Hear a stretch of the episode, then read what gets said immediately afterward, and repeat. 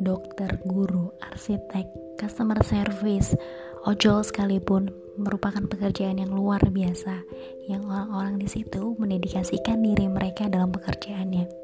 Kita akan ambil sisi lain dari mereka dan kita dengerin nih apa kata mereka tentang dunia ini dari sudut pandang mereka tentunya.